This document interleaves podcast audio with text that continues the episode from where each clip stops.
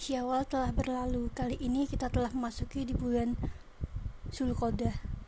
Dan setelah itu akan masuk bulan Zulhijjah yang biasa juga disebut dengan bulan haji. Pada bulan itu juga bulan dilaksanakannya kurban bagi umat muslim.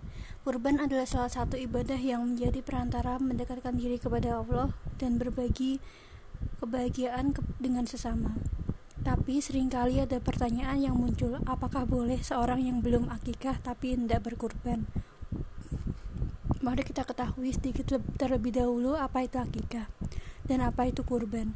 Akikah adalah hewan yang disembelih untuk anak yang dilahirkan ketika rambutnya dicukur. Hukumnya sunnah muakat bagi seorang wali yang memiliki tanggung jawab nafkah terhadap anak.